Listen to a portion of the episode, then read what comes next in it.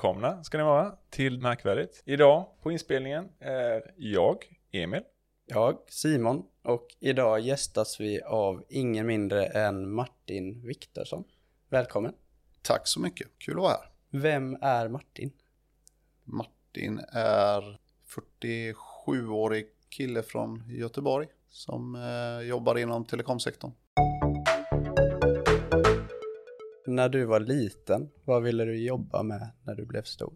Jag vet att mina föräldrar sa det när jag var väldigt liten så var jag väldigt fascinerad över de här sopgubbarna. Kallas de nu mer? Inte sopgubbar heter de inte. Oj, heter oj. Renhållningsarbetare kanske. Ja. Som bar den här tunga säcken från eh, sopkärlet till bilen. Så att det, var, det var det jag ville göra. Så jag tror jag släpade runt på någon eh, kudde där och ville bli sopgubbe. Mhm. Den karriären kanske dog efter ett tag igen. Och sen så ville jag, var nog ganska sugen på att bli kock. Mm. Men eh, det dog också av olika anledningar. Senare då, hur har det förändrats under tidens gång? Om man tänker framåt högstadiet eller gymnasievalen till exempel. Nej, det var väl där jag hade kanske en ambition och tyckte, jag tycker fortfarande matlagning är ganska roligt. Så då var det mitten av en restaurangkris på 80-talet där någon gång, slutet av 80-talet, 90-talet kanske. Och då fanns det bekanta, frågade jag lite försynt om det kunde finnas någon praktikplats eller kunde jobba och sådär. Så sa de, nej men det är ingen bra bransch så att du utbildar dig till något annat, ta något, Ta ta något, något, annat. något annat. Men jag vill ju det. Något tekniskt eller något annat sånt istället som är stabilt. Och så då hamnade jag in och läste teknik eller teknisk utbildning på, på gymnasiet. Lagar du mycket mat idag hemma och så liksom? Nej, Nej. nej. det händer. Jag, jag tycker det är fortfarande roligt att laga mat och, och så, men det är inget så jag känner att jag är något. eh, Det är inte Sveriges mästerkock. När du eh, närmade dig slutet på gymnasiet, hur såg dina karriärtankar ut då? Jag var inte den som var mest och bäst motiverad i skolan så att jag, mina karriärtankar var dels skulle jag in och göra militärtjänst och då hamnade jag i signaltrupper och sysslade lite med telekom. Tyckte det var roligt men det var inget jag kände att ja, det här ska jag göra resten av livet. Jag hade tillräckligt bra betyg för att komma till en högskola och då sökte jag väl lite mer till någonting jag det skulle komma in på, det som var intressant. Så då hamnade jag i Kalmar och läste elektro. Men så inriktade jag mig på automation, så det var det jag trodde jag skulle syssla med resten av livet. Programmera PLC eller Siemens robotar på transportband. Ja, det Men- finns en stor marknad där. Det fanns en jättestor marknad och jag, mitt första jobb var automationsingenjör när jag kom ut från högskolan. Men det var en arbetsgivare jag trivdes väldigt dåligt hos, så jag stannade väldigt kort tid. Och eh, sen hittade jag då på annons i Göteborgs-Posten, alltså tidningen i dagspressen, papperstidning som det var på den tiden. Ett jobb som heter radioingenjör på Europolitan som heter Telenor, som ligger i huset bredvid här i Karlskrona. Så sökte jag den tjänsten och, och fick den. Och sen utifrån dess har jag jobbat med telekom resten av mitt liv på olika sätt. Så det var slumpen som valde att jag hamnade i den branschen. Men jag tror även att utbildningen gav ett ganska bra fundament att stå på och går vidare. Men eh, om vi går in lite på karriären, nu har vi pratat om det lite. Men eh, vad letade du efter hos en framtida arbetsgivare när du skulle ut? Vad var det viktigaste liksom? Första var det ju att få ett jobb. Då letar man nog inte så mycket. Man var inte, jag var inte så kräsen. Alltså för mig var det så här, ja, men det var ett arbete och då hamnade jag på det här mindre företaget. Sen är, det spännande att jag själv är nu egen företagare. För jag, efter jag varit på det här lilla familjeföretaget som var fyra, fem anställda eller så, fyra, fem stycken de var så totalt. pass små liksom. Ja, då sa jag aldrig mer ett litet bolag i hela mitt liv. Hur kommer det sig då? Nej, men jag kände nog att det där blev inget bra. Alltså, jag, jag mådde psykiskt dåligt under den korta period jag var där. Och då kände jag bara så, nej men herregud, jag vill aldrig vara på ett sånt här litet bolag igen. och nej, då vill jag söka mig till något större bolag. Så det, Och det då- var egentligen det du letade efter då? Ja, och sen lät, fastnade jag för annonsen som var nog Ja. ganska bra. Och den var, beskrev ett jobb som var fritt och jag tyckte det var spännande. Man skulle få klättra och jobba på höjd och lite sådana saker. Så jag tyckte det, var- det lät spännande då. Ja, alltså radioingenjör som i att upp i master och allt möjligt. Det Liksom. var, det var ingen ingenjörs... eh, Benämningen ingenjör var nog tänja lite på, på, på sanningen. Ja, ja. Så det var, det var ju mer serviceteknikerjobb. Mm. Men jag tyckte det var, det, med facit i hand så är det den bästa skolan. Jag har fortfarande nytta av de kunskaperna så här 20, 20 år plus bak i tiden. Det var en jättebra karriär att börja och faktiskt hands-on och röra. För mig är det så, det är så jag lär mig saker. Sen tog ju Europolitan, eller Telenor då, de tog ju sitt första del att de valde att lägga ut rollen radionätsplanerare. Alltså killar och tjejer som eh, placerar ut eh, de här master och torn och antenner och riktar dem mot, ja. så att alla får en bra mobil upplevelse när man rör sig i landet eller inomhus eller utomhus eller var man nu befinner sig. De flyttade ut de som hade hand om Västra Götaland till Göteborg. Mm. Annars var alla här i Karlskrona. Man var här där Karlskrona som bas och så reste man ut från Karlskrona. Så skulle man jobba i Göteborg så satte man sig en bil och åkte upp till Göteborg. Och de som var i Stockholm åkte till Stockholm och så, sådär. Men det var olika skäl tror jag de valde att lägga i Göteborg. Så var det två killar då som hade det området. Men den ene tröttnade kanske lite på att pendla upp. Den andra flyttade upp permanent då. Så då blev det en roll ledig och då sökte jag den. För då kände jag att nu var det dags för mig att ta nästa steg. Mm. Till att bli mer ingenjörsinriktat yrke som radio och nätplanerare är. Mm. Eh, så då lämnade jag det rent tekniska och så började jag också planera nät. Och sen eh, så ledde det vidare så hamnade jag på det som numera är Eifry som var OF eller Ångpanneföreningen mm. hette det redan hette det på den tiden. För att de lockade lite med att man skulle komma utomlands och lite så. Och då tyckte jag utomlands var lagom Norge, det var lagom utomlands för mig där och då. Så då sökte jag mig dit och sen kom IT-kraschen. Och då hamnade jag på, hamnade inte i Norge. För det blev, vart ingen utrullning i Norge för, för ÅFs del, utan då inga projekt där. Så hade jag ändå turen att få uppdrag i Göteborg. Och så på den resan är det. Och sen, det gjorde ju att jag i sinom tid efter eh, en nedläggning av eh, en mobiloperatör som heter Orange. De finns kvar i världen, de är jättestora, det är från Telecom. Men de hade en satsning i Sverige som de la ner och det gjorde att jag hamnade tillbaka. Då hamnade jag verkligen i Karlskrona för då bodde jag här nere i åtta månader och jobbade ja. för det gemensamma bolaget 3GS. 3GS. Mm. Sen så eh, gjorde de förändringar i 3GS-organisationen. Då skulle de engelska, eller mycket engelska, men alltså konsulterna skulle ut och man skulle ha projektanställda istället. Och då ja. blev det öppningar i Göteborg, så då flyttade jag tillbaka till Göteborg. Det är lite pinball så här. Ja, ja men jag tror ja. det, det, det, är nog det som man måste vara, man får nog vara villig att göra lite pinpoint. Man måste ja. kanske vara villig att flytta på sig. För mig var det det så här, okej, okay, jag blir arbetslös när Orange lägger ner. Vad, mm. vad har jag för alternativ? Ja, det var Karlskrona. Det var där jag kunde få, få ett arbete inom det yrket jag ville jobba med. Så då, mm. okej, okay, jag får göra det. Jag hade ingen familj så det var ju ganska lätt beslut att ta. Mm. Men likväl så, okej, okay, jag får sätta mig och pendla ner hit. Sen var det ju spännande. Man tog måndag morgon klockan sex. Så satte jag mig i bilen och åkte till Karlskrona. Så var jag här vid tio. Så gick jag upp här på kontoret och så tog jag en kopp kaffe och pratade lite med kollegorna och förberedde lite veckan och så gick man åt lunch och sen så efter lunch så satte man sig i poolbilen och så åkte jag tillbaka då till Halmstad. Mm. För det var där jag skulle utgå för mitt arbete för jag hade hand om Halland för så såg den geografiska indelningen ut. Och Halmstad och Göteborg, det är lite för långt för att pendla hem över mm. dagen. Mm. För det var, man jobbar ganska långa dagar. Så då bodde man några tre, tre nätter i Halmstad på ett hotell och sen så på torsdag så åkte man tillbaka. Så lämnade man bilen och så åkte man till sin lägenhet man betalade i Karlskrona. så bodde man här en natt i stort sett och sen så till upp till kontoret, ja. checkade en frukostfralla för det var en, varje fredag var det frukost, gemensam frukost och så hade man lite så internmöten, avstämningar och sen mm. vid, vid ett tiden kanske man rundade av då. Så satte jag med bilen och så åkte jag tillbaka till Göteborg. Alltså, är, är, det hållbart?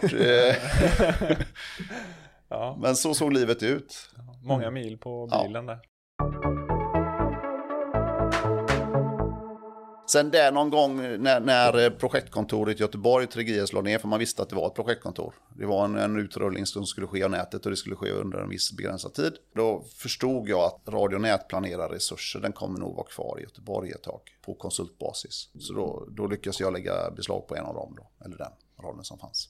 Mm. Då hade jag nog börjat känna att okej, okay, nu börjar jag vara nöjd med radio. Nu kanske det är dags för mitt nästa steg. Där jag vill gå in på lite mer mjuka värden. Jobba mm. lite närmare affären och pengarna. Jag hade börjat ta andra steg i mitt huvud. I medvetenheten om att jag kommer nog aldrig bli världens bästa radionätplanerare. Alltså jag vill inte gå ner så mycket på detaljnivå i, i hur radionäten fungerar som man kanske borde kunna. Så då, då ringde jag min gamla chef och sa, du jag, jag har ett ett och ett halvt års uppdrag här. Du behöver inte köpa, du behöver inte investera i någon telefon, jag behöver ingen kontorsplats, jag behöver ingen dator. Utan jag behöver bara få en lön och jag kan, ska skicka en faktura. Är det okej okay upplägg? Han bara, mm. tummen upp. Låter som drömmen. Klart, mm. klart det är, för han är det ju bara sådär jättebra, ett och ett halvt års uppdrag. Och sen, för då tänkte jag så här, ja, men kommer jag in med ett och ett halvt års uppdrag så kommer ju min förhandlingsposition mm. för framtiden kommer mm. vara ganska ljus då. Så som tur var så trodde han väldigt mycket på mig. Och och eh, lotsade mig till att ta nästa kliv. Så då efter ett och ett halvt år då blev jag kanske någonstans där omkring teamledare för gruppen Mm. Och sen så tog vi ett gemensamt beslut att eh, vi ska se till så att det blir en egen sektion för telekom i Göteborg. Mm. Så då var jag med och byggde upp den och stannade på OF i ungefär tio år.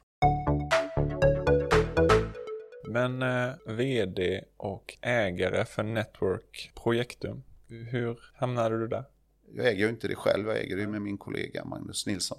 Eh, det är också en historia, det börjar ju också där i, i när, när Orange France Telecom lägger ner sin verksamhet i Göteborg. Jag och Magnus har då lärt känna varandra. Han sysslade med eh, processen att få in avtal, hyresavtal för att få upp de här eh, antennerna på taket som jag planerade var de skulle sitta. Så vi jobbade i samma team och sen när man la ner då så fick vi tre månader så vi visste inte vad vi skulle göra riktigt under den här tiden. Så vi skulle söka jobb och vi hade ändå tillgång till kontoret så vi varje måndag, tisdag, onsdag, torsdag, fredag så gick vi ändå till kontoret och satt där och hjälptes åt och hittade jobb och sådär. Så jag hamnade i Karlskrona först och sen så kom Magnus ner lite senare. Och sen så hamnade han också i Göteborg efter ett tag och växlade lite mellan syd och väst och Göteborg och Karlskrona. Sen vid ÅF-tiden där skildes våra vägar. För när jag tog konsultuppdraget för projektkontoret i Göteborg lades ner, då fick Magnus en fråga från den subzonschefen i Göteborg och frågade kan inte du följa med mig ner till Iran? Vi ska hjälpa dem att rulla ut sitt andra GSM-nät här för Ericssons räkning. Mm. Och då börjar han sin resa där, inom Ericsson. Så då höll vi kontakten så gott det går när man har sina egna karriärer och familjer och allting ja, sånt. Så, så, han var ute för Ericsson eh, och lite till Nord runt om i världen. Så han har varit, gjort projekt i Iran, Malaysia, Indonesien, Norge och lite sådär. Sen var han hemma en sväng och så behövde jag lite hjälp för då hade jag startat eget bolag efter jag hade lämnat ÅF efter tio år. Så samarbetade vi lite där och sen så försvann han iväg igen och om det är exakt så kronologiskt det vet jag inte riktigt. Men hur som haver så ja. fick jag ett erbjudande och eh, bli sektionschef för ett, ett bolag som nu är en del av Railers, deras telekom. Sen visste jag att det bolaget jag gick in i skulle bli uppköpta av eh, något bolag. Jag visste inte vilket bolag det skulle vara, jag visste bara att de var ute för försäljning. Då blev det Railers, som är ett jätte, jättebra bolag, jättefint bolag och har gjort en eh, fantastiskt spännande resa sedan jag lämnade. Men då fanns inte, de hade inte den typen av organisation, utan de hade mer eh, geografisk organisation. Så då skulle jag vara sektionschef i en grupp i Göteborg som inte sysslade med mobilt. Och då kände jag att jag kommer inte tycka det här är roligt. Så jag sa till den chefen där att eh, jag hjälper till att få in Orbion-organisationen in i Railers i den transformeringen som ska göras där. Mm. För det, den processen vill jag vara med i för att lära mig. Sen, sen lämnar jag. Och i samma veva så var Magnus på väg hem från Norge för hans uppdrag tog slut där och då sa vi nej, nu är tiden inne för oss att vi ska starta någonting ihop. Så det är en lång mm. historia för att komma dit vi är och varför vi startade Network Projekt Ja. Vi, vi hade samarbetat under så lång tid. Vi trivs i varandras sällskap, vi har gemensamma intressen och. Eh, vi kände att ja, men nu, ska vi göra det här och eh, se vad som händer. Jag tror det är många lyssnare där ute som sitter och tänker, ja, men vad gör Network Projektum? Om du skulle beskriva det kort, vad är det ni sysslar med? Kort är det ju konsultverksamhet. Ja, det är ju det ja. vi gör. Det var inte det vad ambitionen var. Nej. Vi hade nog större ambitioner. En del, alla uppdrag vi har är inte konsultrelaterade utan de kan vara ett projekt, ett helhetsåtagande som vi har för vissa av våra kunder där vi gör allt från lax till limpa. Så vi levererar en, en tjänst eller en komplett produkt istället. Ja. Eh, men mångt och mycket, ska man titta på det utifrån sett så är, vi ett konsultbolag. Vi identifierar uppdrag och eh, hittar lämpliga konsulter. Men mycket inom nätverk och 5G eh, och fiber? Och... 5G börjar komma nu, ja. men våran huvudaffär är fibernätsutbyggnad. Och då är det i Sverige, och det är de sista 10 procenten som är de mm. dyraste, tuffaste. Ja. Så nu staten går in och ger ganska mycket bidrag för att bygga. Mm. Och sen eh, har vi även en i Tyskland som mm. är en jättepotentiell. För de är inte alls lika långt gångna där va? Nej, jag tror de har kanske en 10-15 eh, procent eh, som har en fiberuppkoppling. Det är så pass lite alltså. Mm. Och det ja, men då är det en jäkla marknad för er. Om de en jättemarknad. Så där har vi startat ett dotterbolag, GmbH, som det heter GmbH. på tyska. Det är som ett AB och då får man den fantastiska titeln Geschäftsführer. Geschäftsführer. jag, är inte mycket, jag är inte mycket för titlar, men den tyska titeln tycker jag ändå är ganska rolig. Den tycker jag, det, det, det, låter, det låter så himla mäktigt. Ja, det låter väldigt eh, auktoritärt. Ja. Annars är vi inte så mycket för titlar. Frågan kanske var vem jag var förutom Mm, mm. vd. Ja, jo, jag får nog kalla mig vd i vissa fall. Annars är det daglig ledare och Ja. diverse arbetare. Vad gör en vd eller daglig ledare för eh, Network Projektum? Dels är jag väldigt operativ fortfarande i, i uppdrag. Nu försöker jag lära upp eh, yngre till att ta över mycket av de här rollerna. Vi gör otroligt mycket mätningar. Exempelvis om en byggvarukedja kedja ska öppna ett nytt varuhus. Så åker vi ut och gör en inventering. Hur ser, okej, hur ser täckningen ut för befintliga mobiloperatörer? Kommer de kunna använda mobiltelefonen eller de tjänsterna de önskar via mobilnätet i det här varuhuset? Ja eller nej? Är det ett nej så gör vi en projektering och sen eh, handlar upp en installation och söker alla de tillstånd och liknande. Som Ja, så att ni och alla andra som kommer hit ska bara kunna röra sig sömlöst och ha en datauppkoppling. Mm. Mm. Man har valt att gå ifrån wifi i många fall. Då. Så det gör jag rent operativt, och det, men den försöker jag lära ut med yngre. Ja, det. För att eh, det är dags att någon annan får se Sverige. Jag har sett Sverige. Eh, jag har åkt land och rike runt. Men det har varit jättekul. Det har varit en fantastisk resa även i Norge. Jag har sett mycket. Och det är dags att dela med sig av det. Sen är det ju mycket i ledandet. Det är ju där eh, tiden inte alltid räcker till. Men jag hoppas att vi har många som är ganska självständiga i sina Mm. uppdrag. Mm. Så att de är inte så beroende att jag är där och leder dem i deras dagliga verksamhet. Utan de har ju andra ledare på sina uppdrag. Men mycket går ju ut för att faktiskt tänka igenom vad är nästa affär? Vad är nästa grej som kommer hända? Identifiera kunder. Jag hoppas att jag kan frigöra tid och göra mycket mer kundvård och nykundsbearbetning. Träffa folk, för det jag tycker är roligt. Att träffa människor som står för en utmaning och så hjälpa till med det och lösa den utmaningen. Ja. Så det är det jag gör. Så det är väldigt spritt. Nu är vi ett Ja. inte så stort bolag, vi är ju kring 25-30 personer. Mm. Så det, det blir mycket, man får göra allt möjligt. Det ingår även att åka och köpa kaffe så det finns på kontoret och alla sådana små Ja. saker. Hur ser en vanlig arbetsdag ut? Liksom så här, från morgon till, till kväll? Så här. Som sagt, jag sa nu var ju jag i Karlskrona idag och var i Stockholm igår. Så det är ju mycket resa och de projekten vi har är ju sällan i Göteborg. Så en- arbetsdag för mig är ju att försöka lösa så många saker som ligger på att göra-listan. Och väldigt varierande då. Väldigt säger. Det kan varierande. vara Stockholm, det kan vara Karlskrona. Det, ja, och det kan vara en mätning eller det kan vara en, eh, ett affärsmöte eller eh, en offert. Eller lämna in ett anbud. Till och från så gör vi även medarbetarsamtal Ja. och eh, ja, löne, löneförhandling och alla de bitarna som ingår i, i ledningen också. Eh, Jag är inte så mycket i möten. Så jag är avundsjuk på alla de som sitter i möten. För jag skulle också sitta i ett möte bara att kunna få information. För jag måste själv annars, i mina roller så är det jag som driver den processen. Så vill jag ha ett möte så måste jag själv driva det, den Ja, det. processen för att Amen. få till det mötet. Det är sällan folk, eh, det händer såklart. Men jag är inte så mötestung som många andra är. Jag vet att ni hade någon som jobbade på Volvo. Ja, De får ju planera in egen tid i sin kalender för att Ja. få tid att jobba. om Man säger, Ja. jobba. Och så jag är min, mitt i tvärtom. Jag hade gärna kanske haft några, några fler. Men det är självförvållat också. Jag får generera det själv. Men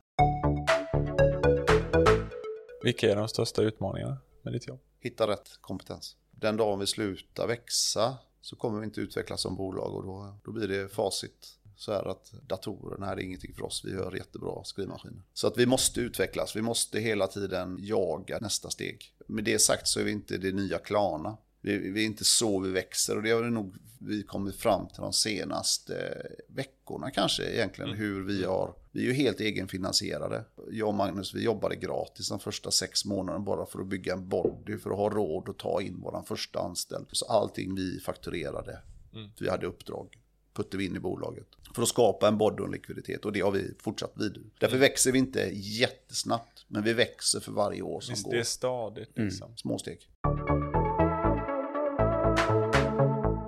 Vad är på gång nu då? Är det något stort projekt? Ja, det är inte stort, men det är ju 5G 5 Private Network som är nästa. Alltså det är ju det man tror inom industrin kommer göra förändring. Ja. Där allting ska bli uppkopplat. Vi ska lämna allt trådbaserat. Så det, det är ju spännande, jättespännande för oss. Det är ju en, en framtidsbransch, helt klart. Den är ju i sin linda. Vi har, vi har bra kunskap inom bolaget. Jag är inte den som är, jag är buzzword-kompatibel och lite till kanske. Sen är det Tyskland som är vårt, om man säger, stora, stora fokusområde.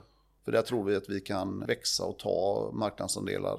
På fibersidan? Här. då. Ja, och där, även där Eller är vi på gång på mobilsidan. Och som sagt, eh, mycket av våra konsulter, eh, deras projekt är att, att fiberisera de sista 10 procenten. Mm. Jättemycket verksamhet där. 5G och hela den biten eh, och då privata nät som är spännande. mm. Och sen Tyskland för oss. Hur ser du på de två spåren? Fiber och mobilt. Ja, liksom de konkurrerar ju lite med varandra, även om ni såklart har en business, vad det än blir som... Eh, de kompletterar varandra väldigt bra. För att även att jag brinner för mobilkommunikation och mobilnätsutbyggnad så utesluter inte det ena det andra. Dels kommer alla master och torn och uppkoppling, alltså 5G behöver fiber för att kunna kommunicera på rätt sätt. Det, det går självklart att lösa det med, med radiolänk och alla de liknande system. Men eh, fiber är att föredra. Och sen för hem, hushållen så tror jag inte på 5G i, i att den kommer lösa alla problem. Den kommer lösa vissa. Men skulle alla kunder få för sig så här, nej men jag vill köra en 5G-uppkoppling eller en 4G-uppkoppling för min datakommunikation hemma med eh, tre barn som kollar på Ultra HD på Netflix. Det kommer lasta ner nätet, det kommer inte vara hållbart. Nej. Så jag, jag lever efter devisen och det försöker jag väl tänka på hemma också. Allting som sitter fast. Nu är jag ingen Apple, jag är inte sponsor av Apple. Jag tycker inte om Apple, men jag har Apple TV. Ja. Ja, Övriga familjen kör Apple. Men den har jag ju fast. Den har en sladd till. Ja. TV-apparaterna, eh, de har också en, en fast sladd. För de sitter ju där. Ja, Varför ska du ha trådlös uppkopplad diskmaskin? Du kommer aldrig flytta på diskmaskinen. Men din, eh, din padda eller eh, din laptop eller din eh, mobil eller terminal, den, den är du rörlig i. Och då ska de här två komplettera varandra. Så hemma så kör du till och med wifi på, som är som ja, en förlängning av det fasta. Sen när du rör dig utanför hemmet så då ska du använda mobilnäten. Du sitter på bussen. Och de. Det ska gå sömlöst däremellan.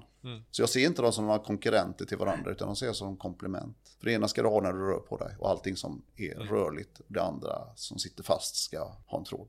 Förutom då när det kommer till 5G, privata Ja, nät och ja. industrin. För jag tror det är kostnadsvinsten och allting du kan göra med att kunna ändra en produktionslina eller Mm. Och ha de sensorerna uppkopplade trådlöst. Jag tror att vinsten är så mycket större än att ha allting uppkopplat. För det blir ganska statiskt. men då vill du ändå ha fiberstöd liksom Du till vill ändå ha själva fiber. grund... Ja, till basstationen vill du ha ett fiberstöd Mm. ändå.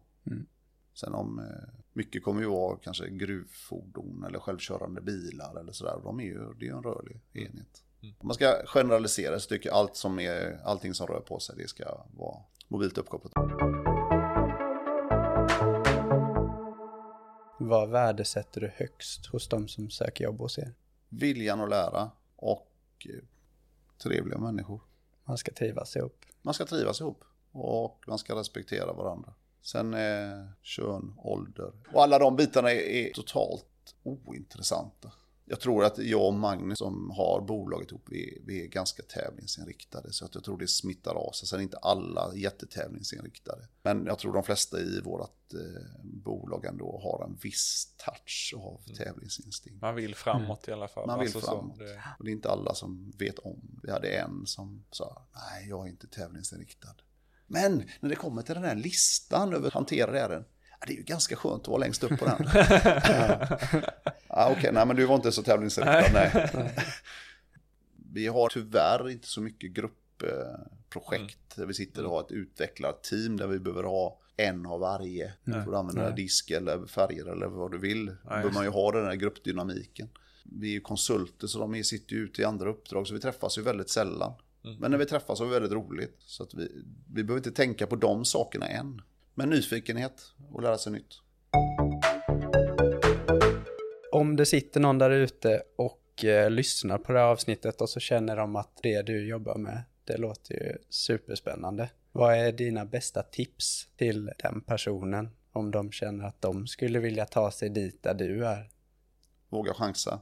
Jag tycker också att eh, det är svårt. Men eh, någon gång borde alla testa och driva ett eget bolag. Mm. Oavsett om det är att sälja jordgubbar eller Mm. vad som helst. Mm. För jag lärde mig så, när jag väl tog det steget så lärde jag mig jättemycket. Men nu är jag ju kanske en, eh, en riskbenägen människa. Det, Mm. Så det är lättare för mig. Det är svårare för andra. Men jag tycker, eh, våga chansa. Mm. testa. Man dör inte. Pantsätt inte hus och hem och allt det där. Alltså, du, ta ja. inte de riskerna, men eh, våga och var nyfiken. Jag har med mig, jag vet inte om man kan kalla det en lista, kanske mer diskussionsämnen kan man säga. Och då är det ja, men lite olika sätt på hur 5G kommer förändra världen. Jag kan nämna några stycken per område och så tänker jag att vi kan diskutera kring det och hur du ser på det och kanske till och med kan lägga till lite områden som du ser att 5G kan förbättra liksom. Men om vi börjar med eh, samhällen kan man säga. Nu, nu vill jag bara så eh, säga att det här står på engelska och jag ska försöka översätta det medan jag pratar. Men eh, ett av områdena här är eh, uppkopplade bilar och andra fordon eh, och hur det kan eh, minska risken för eh, kollisioner och kanske till och med öppna upp för självkörande fordon. Liksom. Hur, hur ser du på det Martin?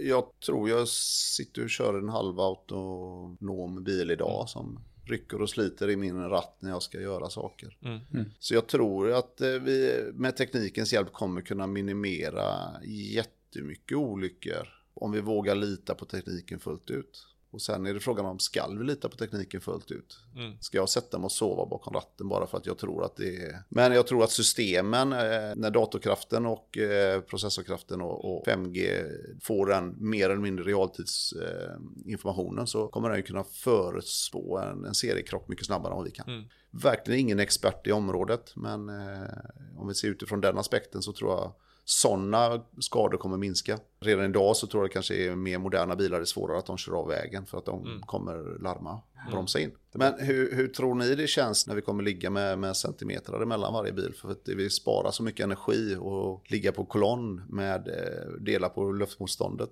Hur, hur ja. kommer vi tycka att det Känns det okej? Okay? När man är van med att man ska ha tre sekunder minst ja. mellan varje fordon för att kunna hantera den där eh, ja. bromsen. Nej men jag såg något sånt diagram med, med självkörande bilar i en korsning. Där de bara flyger förbi varandra i 100 knyck typ. Ja. Och det är också så här, blir det lite delay då eh, med 15 centimeters mellanrum mellan bilarna, då, då smäller det. Gäller att man inte kan kasta sig på ratten. Och bara, ja, det är också en sån grej. Man kanske inte vill ha den mänskliga faktorn med i bilden. Där, liksom. ja, man jobbar ju mycket nu med positioneringssystem också för att få ner det där på en centimeters noggrannhet. Det är en jätteinfrastruktur som kommer ligga parallellt ihop med 5G-näten. För att veta att varje, att du har, sagt på centimeternivå, veta var faktiskt fordonet och allt annat befinner sig.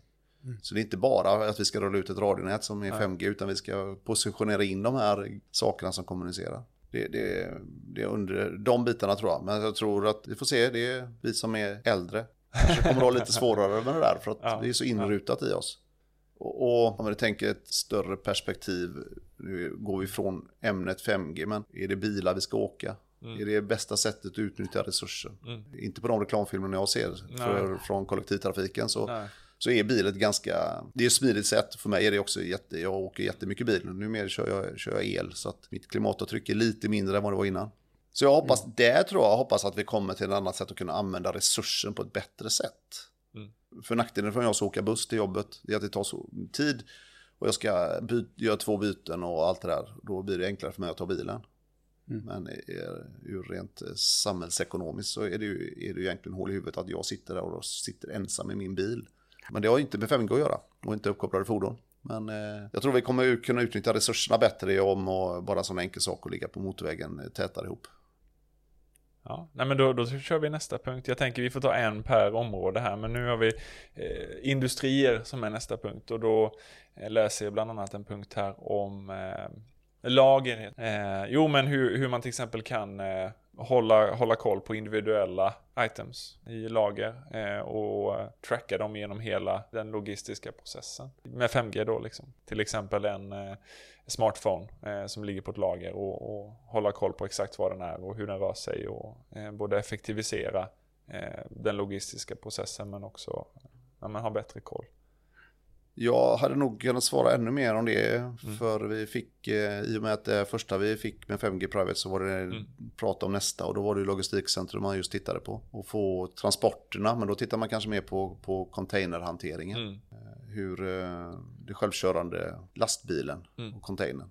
Jag tror också att eh, det som jag har sett lite från, från Kina och där har de ju kommit, ligger de längre fram i 5G. Det har egentligen inte med 5G, det går jättebra med 4G. Eh, men hur du handlar, hur, det- hur kassorna försvinner, hur du betalar. Alltså Amazon, är inte Kina, ja. det är USA. Där, Amazon där har du ju en där. scanner i, i kundvagnen så Ja. stoppar du ner yoghurt och så plussar du på det på kvittot. Ja, ja, Nej, men, ja. okej. Nej, men den här yoghurten vill jag inte ha så du plockar upp den och ställer tillbaka den och då räknar den ner. Ja. Sen när du kommer fram till det här så är det betalt och klart. Där tror jag 5G och, och retail och tracka varor och alla de bitarna kommer. Det är sista området här och det är elevating experiences. Och då är det ju mycket om VR, AR och XR eller extended reality. VR och hela den eh, upplevelsen och hur vi bygger miljöer och kan skapa hela rummet innan vi bygger det, det den är ju fantastisk och jag förstår inte varför inte det har kommit ännu mer. Nej. Jag använder det själv i sin enklaste mån med bara en 360-kamera för vissa projekt för några år sedan. Jag tyckte det var Ja. otroligt smidigt för att få en överblick. Men eh, det verkar ändå stå och stampa lite. Ja, ja. Mm. De har ju haft något projekt på BTH med eh, kirurgi och liksom VR där och hur man liksom kan öva i VR istället för att behöva öva. Ja, jag vet inte hur man gör idag ens. Om man använder kadaver eller vad det är man använder liksom. Och, och det kommer ju effekter. 5G komma in jättemycket tror jag Ja. i, i eh, hur man faktiskt gör och övervakar och kunna styra det här så Ja. du kan göra saker i realtid. Ja, men precis. Så du kan sitta på distans och sköta Mm. det här. Ja, fjärrkirurgin liksom. Det kanske Fjärrkirurgi är ju i- jättespännande för att kanske kunna korta vårdköerna då. Ja. Om, vi, om, om det är kirurger vi har brist på. Sen finns det ju en, eh, kanske en teknik. ja, det gäller ju att det inte blir fel. Nej, precis. Det kan ju finnas en aspekt i att alla kanske inte är trygga med det. nej, nej. Men det tror jag, där kommer nog eh, i, i vården och de bitarna. Så 5G har jättemycket att göra för att effektivisera de processerna som Mm, finns där. Utan att egentligen kunna processerna och hela det där utom innan. Men jag tror att, eh, som sagt, när vi kan göra saker i realtid på distans så är det ju mycket vunnet. Mm. Då hoppar vi till en, ett lite simplare ämne skulle jag vilja säga. De som studerar där ute, de kanske har tagit ett sommarjobb i sommar. Och då hittade jag en Twitter-tråd där folk berättar om sina värsta sommarjobbsupplevelser. Jag har gjort mitt bästa för att översätta från engelska, men det är någon sån här term som man kanske får dra på svengelska för att det ska funka i sitt sammanhang. Jimmy Fallon, som startade själva tråden, han skrev en sommar så hängde jag upp skyltar i mitt kvarter som informerade om att jag kan gå runt och klippa gräsmattor. Jag försökte sluta när mina allergier blev för svåra, men min pappa lät mig inte för att jag hade gjort ett åtagande till kvarteret. Chris skriver jag jobbade med att hålla folk borta från nymålade parkbänkar, så jag bokstavligen tittade på färg som torkar. Kelly skriver, jag jobbade på en historisk plats där jag var tvungen att klä ut mig till en bisonoxe och bli jagad av en hord av femåringar på bisonjakt. Det låter ju jättekul. det låter som ett bra sommarjobb. Ja. En gång efter att jag hade blivit dödad så andades jag tungt efter att ha sprungit. Då skrek en av femåringarna den lever och slog till mig i ansiktet. Jordan, han skriver när jag var tio år så åkte jag till min farfars gård. Han gav mig tio dollar för att vara en fågelskrämma. Jag stod där i solen och skrek i en timme tills min mamma kom och skällde ut honom. Det låter ju, alltså så här, ja du får sola för 10 kronor, tim- Precis. eller 10 dollar Ja. timmen. Eller ja, sen han sa bara han fick 10 dollar. Frågan är så här, Ja. Hur länge skulle han stå? För 100 kronor timmen är ju inte, Nej, inte nej, men som tioåring, Som, som tioåring. För kanske det- tioåringen så är det ju ganska bra betalt Ja, skulle jag säga. pengar. Lisa var barnvakt åt två ungar. En sprang ut genom framdörren, den andra bakvägen. När jag sprang runt huset för att hitta dem så sprang de tillbaka in, låste mig ute och satte igång alla sprinklers i trädgården. Att de ens vet hur man gör det. Ja, de är rutinerade med barnvakter. Ja, ja. Den sista då, Ash berättar att han fick jobb som plant manager, vilket ofta är någon form av anläggningschef. Mm. Det visade sig bokstavligen vara att man skulle vattna alla växter på kontoret. Plant manager. Ja. Ja. ja. Vilka är era värsta sommarjobb då? Ni kanske inte haft några dåliga, jag vet inte. Nej, jag har varit ganska förskonad av sommarjobb. Jag får tänka igenom. Nej, jag hade tur att få i kommunen. Jag fick lära mig att köra flakmoppe på två hjul. Det var ett kul sommarjobb. Jobbet gick kanske inte gick ut på att köra flakmoppe på två hjul, men eh, det kanske var mer att park, parkskötsel och, och sådana saker. Ja. Hamnade i Göteborg och då kunde man ligga och kolla på Gothia Cup, fotbollsturnering. För då har man eh, också parkskötsel. Så det var, ja, jag har haft en ganska tur tycker jag i, i sommarjobbs. Jag har inte råkat ut för någon sån. Jag vet att jag har varit uppe på radio någon gång och hörde det var någon som fick eh, gå och vända ost. Vända ost? Ja, så Och stora lagrade ost, sådana här- stora, Ja, ja, ost, nej, men liksom- eh, såna här stora Jo, för jag har ju runda. sett att de vänder och de så här putsar dem och... Ja, så hen gick ju gång ut och gång in och bara vände ost hela dagen. Så att jag har sommarjobb, haft tur. Ja. Das was das, som man brukar säga. Och då är det dags att runda av podden lite. Men innan det, eh, är det någonting som du skulle vilja skicka med till våra lyssnare, Martin? Gå och rösta september. Gå och rösta i Mm. september. Ja, men Val. den är ju bra, den är bra. Är val 2020. Ja. Vi, vi lever i en fantastisk demokrati och då ska vi värna om det. Sen vad, ni, vad man röstar på, det, det är upp till var och en. Men eh, gå och Mm. rösta. Om man vill komma i kontakt med dig, eh, hur gör man det lättast då? LinkedIn är, är ett eh, ganska vanligt svar, jag har förstått det i er podd och det är även för mig. Så sök upp mig på, på LinkedIn. Mm. Och då är det Martin Viktorsson. Ja. Eh, Och hittar man inte det då så kan man ju lägga på en eh, eh, Projektor. Network Projektum. Om ni vill komma i kontakt med oss så når ni oss som vanligt på våra sociala kanaler, att markvarditpodd eller på mail markvarditpodd gmail.com. Tack för att ni har lyssnat. Tack för idag. Hej då!